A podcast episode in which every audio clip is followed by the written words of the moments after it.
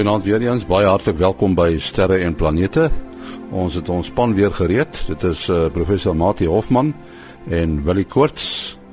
En dan is daar ook Kobus Olkers daar in Florida, Amerika. Maar voordat ons begin met al hierdie dinge, eers ruimte nuus wat geskryf is deur Herman Turin in Bloemfontein. Een van Jupiter se maane, Europa, blyk die sterkste kandidaat in ons sonnestelsel te wees om dalk eenvoudige lewe te kan onderhou. Beeldmateriaal wat deur die Hubble ruimteteleskoop geneem is, toon dat pluime waterdamp tot 200 km die ruimte inskiet. Europa is deur 'n baie dik yslaag oordek, maar dit blyk dat daar 'n vloeibare see onder die ys moet wees. Die water is skynbaar weens hitte wat deur getywerking van Jupiter se swaartekrag veroorsaak word, vloeibaar.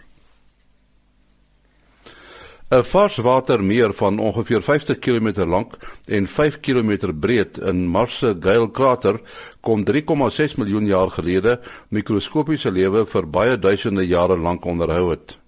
Boonop toon die navorsing dat Mars dalk tientalle miljoene jare lank geskik was om lewe te onderhou. Al dis bevindinge deur wetenskaplikes van die California Institute of Technology wat data van die tuig Curiosity ontleed het. Dit was kort na Curiosity se landing duidelik dat daar eens lopende water op Mars was toe die tuig die droë bedding van 'n stroompie ontdek het. Boorwerk en veral 'n rots wat as John Klein bekend staan, het die meeste elemente opgelewer wat nodig sou wees om lewe te onderhou. Die wetenskaplikes is egter nog nie heeltemal seker of die elemente aanvanklik in die meer teenwoordig was of van elders met waterstroompies daarheen afgevoer is nie. Die gevolgtrekkings is gemaak nadat Curiosity boorwerk in die bodem van 'n 5 meter diep pan gedoen het en bevind is dat die rotse gevorm is deur sedimente in stilstaande water. Toestande sou destyds reeds koud en droog gewees het met die meer wat in alle waarskynlikheid deur sneeu uit die omringende berge wat Gale se krater rondvorm gevoed sou wees. Die tydperk wat geskik was om lewe te kon onderhou, het die wetenskaplikes verras. Voorheen is gemeen dat omstandighede geskik om lewe te onderhou dalk so min as 1000 jaar lank aanwesig sou kon wees. Die toestande sou geskik wees vir die onderhouding van mikrobes bekend as steenvreters. Dit het nie lig nodig nie en breek klip en minerale af vir energie. Op aarde word sulke mikrobes ondergronds in grotte en op oseaanbodems aangetref. Tot sover ruimte nuus wat geskryf is deur Herman Turin. Ja, dis weer tyd om te gesels met Kobus Olkers, ons uh, sonkyker in Florida, Amerika. Uh, die son was nogal redelik aktief geweest, is dit nog die geval Kobus?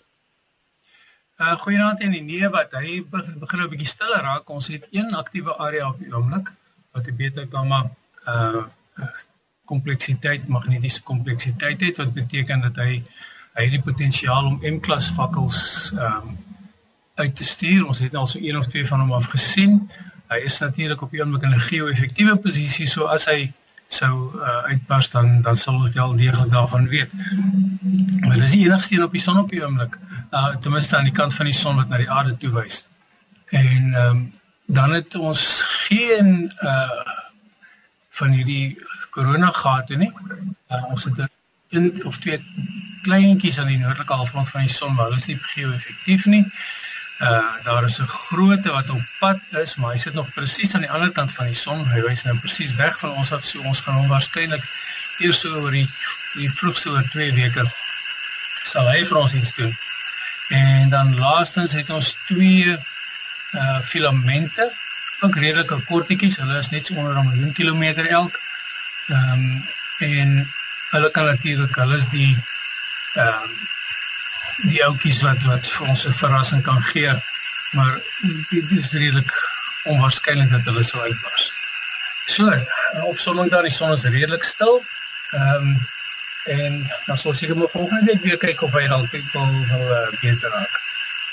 Ja, ons sê dankie vir Kobus Olkers, uh, daar in Florida. Ek weet nie wat die geraas daar agter is nie. Seker die son wat draas, nee Kobus. ja, dit was dit was eintlik 'n Skype uh Skype geraas iemand wat op lyn gekom het. Ja, so. Baie dankie Kobus Olkers. Ons het vir uh Willie Koorts van die SAAO by ons en dan ook vir professor Mati Hofman van die Universiteit van die Vrystaat. Matthias mense nou in die aand uh, daar na die weste kyk, dan is daar baie helder voorwerp. Nou ek sê spesifiek voorwerp want baie mense noem dit 'n ster. Dit is nou Venus nê nee, en uh, hy uh, hy is sommige kere helderder as ander kere. Hoekom is dit? Uh ja, een eh, Venus tref dadelike mense aandag as jy net enigsins oplettend is en jy gaan uit en kyk in die algemene westelike rigting. Uh Venus se helderheid verander om twee redes. Uh die eerste een is dat Venus ook fases het analoog aan uh aan die maan. Uh weens die relatiewe posisie van son, Venus en die aarde. Uh, ons kan ons maklik voorstel gestel Venus is verder as die son van ons af, dan gaan uh, kyk die kant van Venus wat nou mooi deur die son verlig word, kyk dan ook reguit na ons toe. Uh, maar al is Venus dan nou uh, vol of amper vol verlig, is hy baie ver. Uh soos Venus nou om die son roteer en hy's natuurlik nader aan die son as uh, as die aarde. Uh en dan gaan hy nou op 'n stadium so half tussen ons en die son begin inkom. Dit is hoekom mense dan by geleentheid elke klompie jare 'n Venus transit kan sien wat Venus reg voor die skyf van die son ingaan. Ehm uh, in elk geval as hy dan nou tussen die aarde en die son begin inbeweeg, dan is die gedeelte van uh, Mars die hemisfeer van Mars wat ag van uh, van Venus liewers wat uh, na die son toe kyk kyk dan nie te volle na die aarde toe nie en ons gaan dan uh, sê nou maar sekel Venus sien. Uh so so hoe meer hy tussen ons en die son inbeweeg hoe kleiner gaan daardie fase word. Uh so wat dan gebeur is al word die oppervlak van die van die verligte deel van die oppervlak van Venus wat ons kan sien dan nou baie kleiner uh die afstand speel 'n groter rol omdat hy dan nou baie nader is, gaan hy uh tot op 'n stadium helderder word en wanneer hy natuurlik nou heeltemal begin soos analoog aan nuwe maan raak, uh wat dan is hy so naby aan die son dat ons hom in elk geval nie meer kan sien nie. Uh, hy sal dan wel 'n omdraaipunt hê wat hy weer dowwer word wanneer die afstand nie meer soveel vinnig verander nie, maar wel die persentasie van die oppervlak wat ons kan verlig sien. Die as mens nou 'n bietjie wiskundig daarna kyk, die helderheid word bepaal deur 1 op die kwadraat van afstand kom ons stel dit in uh, algemene taal. As die afstand 2 maal uh, kleiner word dan gaan die helderheid 4 maal groter word. En dis daardie kwadraat effek wat dan maak dat Venus helderder word soos wat hy tussen ons en die son begin beweeg baie mense wat my raakloop sê vir my, "Sjoe, wat se helder ding is daar en waar kom dit vandaan en hoekom is dit so helder? Was dit ooit so helder ensovoorts?" Dit is net interessant hoe mense nie altyd vreeslik oplettend is nie en dan skielik eendag 'n ding oplet.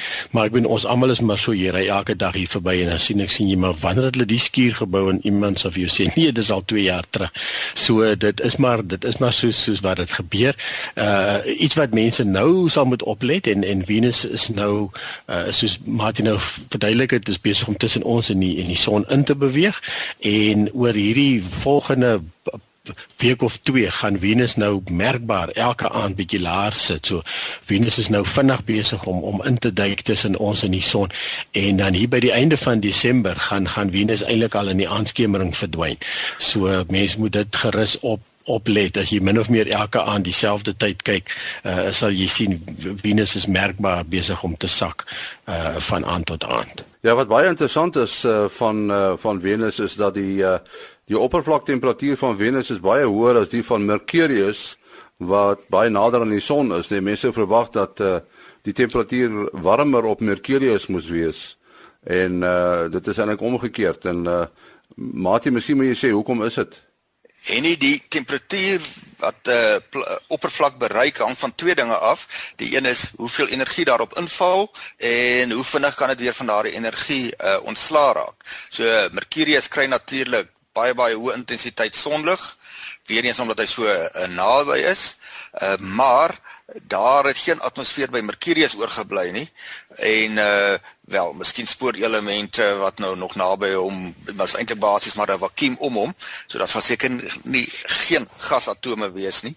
Maar daarin teenoor het Venus wat in baie opsigte soortgelyk aan die aarde kon gewees het baie dieselfde grootte net 'n klein bietjie kleiner het 'n digte atmosfeer uh opgebou. En die atmosfeer uh, sorg dan vir 'n kweekhuiseffek dat uh, hy word warm gebroei. Daar kom lig in van die son af, uh hoofsaaklik dan nou sigbare lig. Uh en dan die maak dit die oppervlak warm en die lig wat dan uitgestraal word deur 'n warm voorwerpe al wat dit nou by honderde grade Celsius kom sigbaar sien gloei nie uh voorwerpe van liggaamstemperatuur wel enige voorwerp by lae temperature en dan hoë temperature tot enkele 100 grade Celsius straal hoofsaaklik in die infrarooi uit. Uh dit is hoekom mens nou kan as jy nou jou stoof se plaat uh warm maak uh, behalwe as jy nou dit pik donkerte is, dan kan jy dalk 'n bietjie rooi sien gloei, maar nie tipies vir die soliede plate nie, maar jy kan wel die hitte op 'n afstand voel en dit is die infrarooi strale wat jy uh, wat jy voel. Maar daai infrarooi strale beweeg nie maklik weer terug deur die atmosfeer nie. Uh van Venus nie so hy bak hy wat warm uh en hy broei warm weens die kweekhuis effek analoog aan wat ons op die aarde kry. Dit is net omdat ons atmosfeer 'n totaal ander samestelling het as Venus en sin en nie so naaste by so dig is nie, is die effek by die aarde dat ons in 'n baie beter balans gekry het vanuit die oogpunt gesien wat vir ons dit moontlik maak om hierso uh te lewe. Nou nou het ek al gelees dat daar 'n sekere hoogte in Venus se atmosfeer is. As ek reg onthou hier ongeveer op 80 km bo Venus se atmosfeer, waar as jy met 'n ruimtetyd daar sou kon beland, jy nogal sou kon oorleef, want die omstandighede in terme van temperatuur is baie soortgelyk aan die oppervlak op die aarde. So daardie hoë temperature van 'n paar honderd grade Celsius heers dan baie laer af in Venus se atmosfeer die kweekhuis effek uh, kan 'n mens amper baie maklik waarneem in jou voertuig natuurlik. So jy het nou 'n voertuig wat se ruitte deurskynend is vir sigbare lig, maar hulle is ondeursigtig of ondeurlaatbaar vir infrarooi vir hitte. En dan kry jy dan hierdie selfde geval. So die hitte skyn in, die sonlig skyn in, bak op die sitplekke, sit dit om in infrarooi en die infrarooi die hitte kan dan nie ontsnap nie en dit is hoekom dit dan fisies so warm kan raak in 'n voertuig waar dit miskien 20 grade buite is, is dit maklik 30, 40 grade binne in 'n voertuig. Wat ek sou graag wil weet in die terwyl jy nou baie met sterrekundige instrumentasie werk, uh die teleskope wat gebruik moet word vir infrarooi waarnemings, uh soos van die instrumente wat ook op salt gebruik word en sê 'n Hubble teleskoop wat hulle na die naby infrarooi kyk, hulle moet infrarooi lig kan kan deur deurlaat uh, sou dit nie moontlik gewees het om die vensters van motors uit hierdie infrarooi deurlaatbare uh, glas of kristalle te laat be beweeg nie? Of is dit 'n kwessie dat ons nie genoeg geld het daarvoor nie? Ek is nie presies seker van die tipe glas maar jy's reg die die om die om die infrarooi lig dan in jou instrumente in te kry en jy het gewoonlik tipiese vakuum in die binnekant moet jou venstertjie definitief die infrarooi uh, deurlaat. So hulle werk daar gewoon ek dink hulle genoeg hulle dit is dit is spesiale uh, tipe glas. Ek is nie seker maar ek ek dink jy's reg hierdie hierdie glas kos kos dan vir jou 'n uh, uh, uh, arm en 'n been. En uh, um, en dan maar dan sal jou kar definitief koeler wees. Jy kan maar net sowel hierdie hierdie verdonkerde plastieklaagie plak seker en natuurlik dan dat dit nou weer ander neuwe effekte vir veiligheid ensovoorts. So ja, die, in die interessant nou van jy praat van die infrarooi instrumente, die infrarooi teleskoop en die koepel en die atmosfeer en alles straal natuurlik maar ook hitte uit die atmosfeer natuurlik baie minder.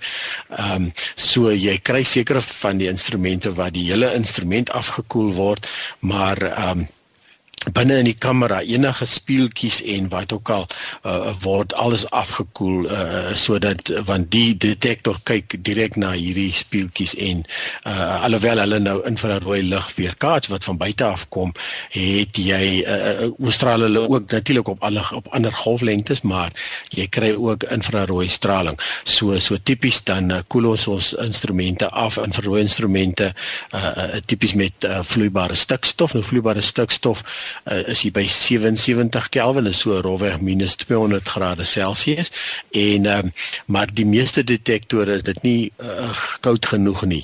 So dan sal ons die teenoorgestelde effek wat jy het met jou drukkoker as jy jou drukkoker sou vat en jy sou 'n vakuum trek op hom in plaas van om hom onder druk te sit, dan sal die kookpunt van die water verlaag. Jy kan byvoorbeeld water laat kook by 30 grade uh deur die die die die deur 'n vakuum te trek. So dieselfde effek wat jy dan het, dan dan pomp ons 'n bietjie op die uh, vloeibare stikstof om die kookpunt te verlaag en dan gaan jy nog so 10 of so grade kouer. En uh, sekere van die instrumente gebruik ons vloeibare helium of deesdae het ons helium kompressors en um, en en helium is is uh, uh, ek kan nie onthou wat sy kookpunt is hier rondom die 10 12 Kelvin, so dit is baie koud. Uh minus 260 in daai omgewing. Uh, ja, en en uh, um, ek weet tipies uh, um, die infrarooi uh, instrument wat die Japaneese gebruik in Sutherland se detektors is hier rondom die 50 Kelvin, maar dit nou 'n ander proses. So ons praat hierso van minus uh 220 grade uh waar die detektors dan afgekoel word. So dit is dis nie 'n maklike ding om mee te werk, dit is om infrarooi te meet nie. Ja, ons praat nou so van atmosfeer. Uh Mati, ons atmosfeer tipies begin hier by 100 km bo kan die aarde, is ek reg?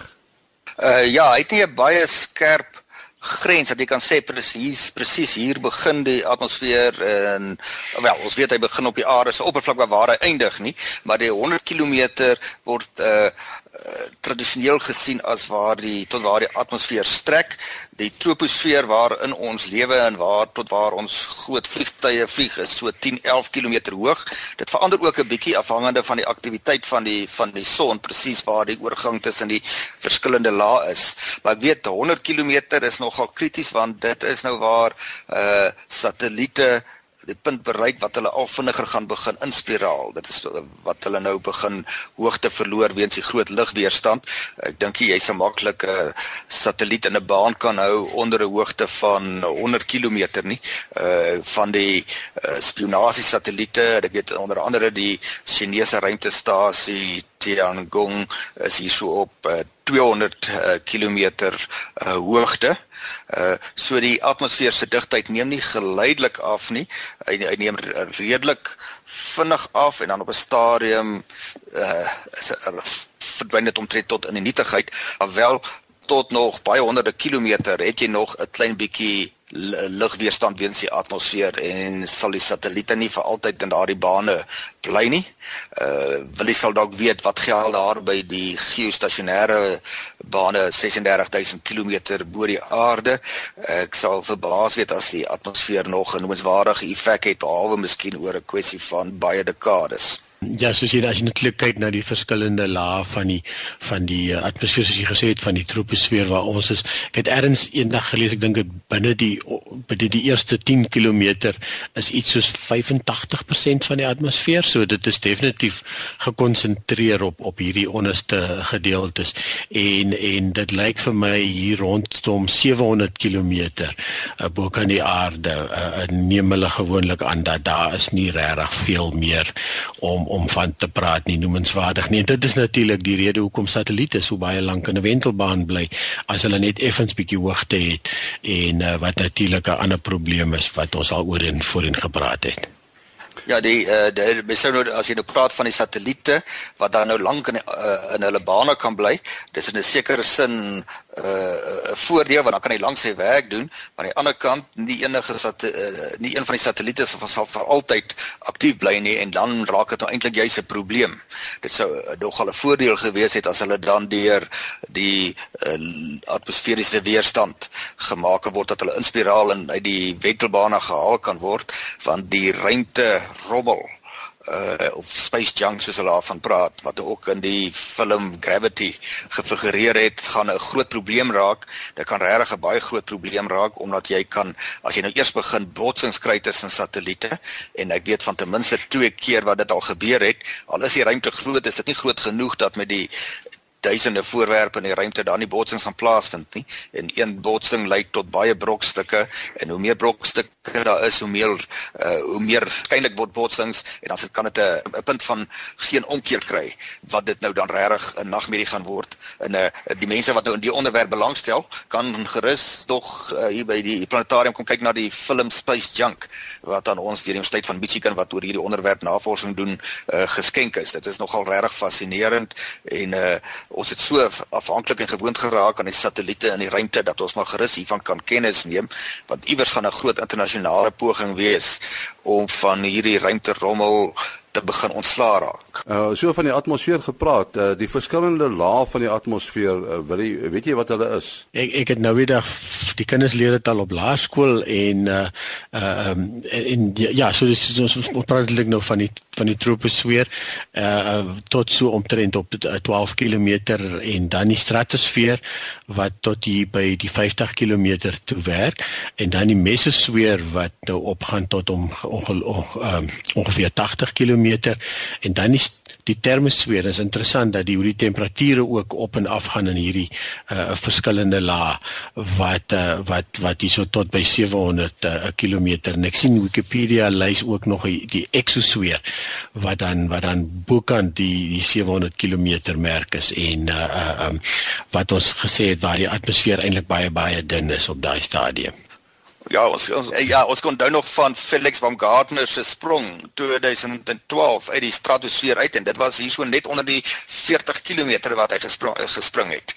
En uh uh in daai tyd het mens nogal kennis geneem van die verskillende lae van die atmosfeer en ook hoe die uh temperatuur verander. Dit is mense sou verwag dit sou net 'n reëlmatige kouer en kouer en kouer word, maar dit is nie so eenvoudig nie. Daar's skielike omdraaipunt wat hy weer warmer word. Dikwels se wonder die uh kwaliteit van die atmosfeer om die ewenaar, uh, sou dit verskil van die atmosfeer byvoorbeeld by die pole?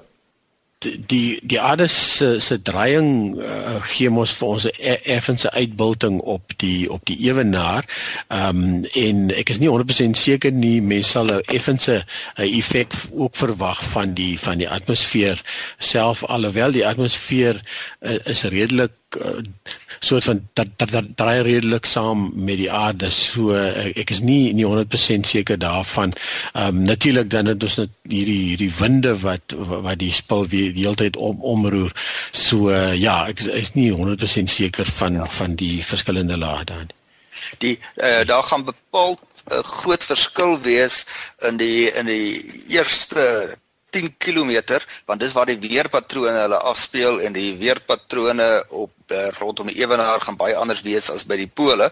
Uh seker hoofsaaklik as gevolg van die baie hoër uh temperature. Uh so ek kan my voorstel dat die uh dat die veral die troposfeer 'n bietjie gaan uh gaan uh opblaas. Uh so 'n bietjie hoër gaan uh, gaan strek, maar as mens by die atmosfeer kom, dis 'n baie gekompliseerde uh chaotiese stelsel uh met uh globale patrone uh, wat baie dinge domineer uh wat nou weer lokale effekte gaan uh, verklein. Uh Maar in elk geval daai verskil gaan nie baie hoër as die troposfeer waarskynlik strek nie juis omdat die die weerpatrone hulle hoofsaaklik uh tot naby die aarde betrek. Ja, natuurlik die die die ander ding wat wat wat ons wel weet en dit weet ons uit satelliete interessant genoeg toe die eerste satelliete gelanseer is ons praat nou van Sputnik en later die uh die ander gedeeltes ook het het hulle uh, eintlik net deur die gedrag van die vuurpyl uh, uh Eh, stadiums wat natuurlik baie langer in 'n wentelbaan gebly het want dit is bietjie hoër en swaarder. Uh, nie noodwendig hoër nie maar swaarder. Uh, uh en natuurlik die meeste uh, mense wat Sputnik gesien het destyds het eintlik maar die satelliet gesien wat Sputnik gelanseer het. Sputnik self was natuurlik baie klein en en laat hom later met die radiosender natuurlik gevolg, maar ehm um, die atmosfeer is is ook nie homogeen nie en hierdie goed verander en en dit is hoekom dit so moeilik is om te voorspel presies waar en hoe 'n satelliet gaan inval. So mense sien baie maal dat uh, veral nou deesdae wat hulle uh, spesifiek uh, satelliete sal afbring, sal hulle dit uh, dit spesifiek doen op 'n op 'n op 'n baan en hulle en hulle sal hom hulle hom soort van onmiddellik laat afkom in plaas van om uh, die die satelliet geluid op op sy eie te laat inval en en dan nie presies gaan weet waar hy gaan val nie. Ons ons het vroeër nou gepraat oor oor Venus, die uh, baie helder planeet wat in die aan die westekom is. Wat die uh, is daar ander planete wat deesdae te sien is as 'n mens so na die ooste kyk, uh, Jupiter, né? Ja, Jupiter begin nou vroeër en vroeër op te kom saans en en dan hier aan die einde van Desember is Jupiter in sogenaamde oppositie. Dit wil sê wanneer die son ondergaan, uh, kom Jupiter in die ooste op en en is dan die heel die heel nag sigbaar. Mars is nou ook stadig besig om uh, vroeër en vroeër op te kom, maar dit is darm nog uh, na middernag eers hierso in in vir ons in Desember. Uh so Venus gaan ons nou verlaat soos ons gesê het en dan ehm um, Mercurius en Saturnus uh um, begin nou ook vroeg vroeg op te kom. So dit is nou ongelukkig die die aandvoorwerpe wat vir ons altyd lekkerder is om te kyk. Uh is is dit nou net Venus wat nou ook uit ons siggeveld uh, gaan verdwyn en uh so gaande weg hier van van van vroeg Januarie af uh gaan Jupiter daarom ons hoof uh, planeet wees um met Mars wat dan stadig nader skuif, maar die ander is maar almal in die oggend dan sigbaar. Maat jy besonderhede? Uh Henny, selfoonnommer 083 625 7154 083 625 7154. Wat? Uh 0724579208. 0724579208. My e-posadres maas.henny@gmail.com. maas.henny@gmail.com. Tot volgende keer, mooi loop.